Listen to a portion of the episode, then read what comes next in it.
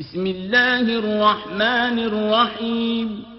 शुरू अल्लाह के नाम से जो बड़ा मेहरबान निहायत रहम वाला है والشمس وضحاها सूरज की कसम और उसकी रोशनी की والقمر إذا تلاها और चांद की जब उसके पीछे निकले والنهار إذا جلاها और दिन की जब उसे चमका दे والليل إذا يغشاها और रात की जब उसे छुपा ले والسماء وما بناها और आसमान की और उस जात की जिसने उसे बनाया والأرض وما طحاها और जमीन की और उसकी जिसने उसे फैलाया ونفس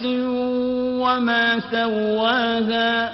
और इंसान की और उसकी जिसने उसके आजा को बराबर किया فألهمها فجورها وتقواها फिर उसको बदकारी से बचने और परहेजगारी करने की समझ दी قد أفلح من زكاها कि जिसने अपने नफ्स यानी रूह को पाक रखा वो मुराद को पहुंचा وقد خاب من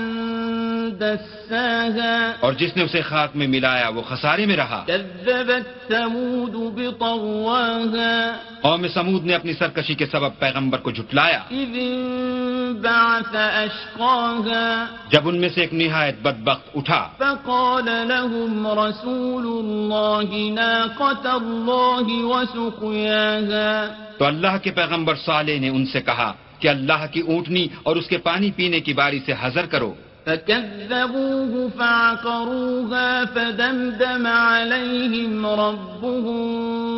بذنبهم فسواها मगर उन्होंने पैगंबर को झुटलाया और ऊँटनी की कूचें काट दी तो अल्लाह ने उनके गुनाह के सबब उन पर अजाब नाजिल किया और सबको हलाक करके बराबर कर दिया ولا يخاف عقباها और उसको उनके बदला लेने का कुछ भी डर नहीं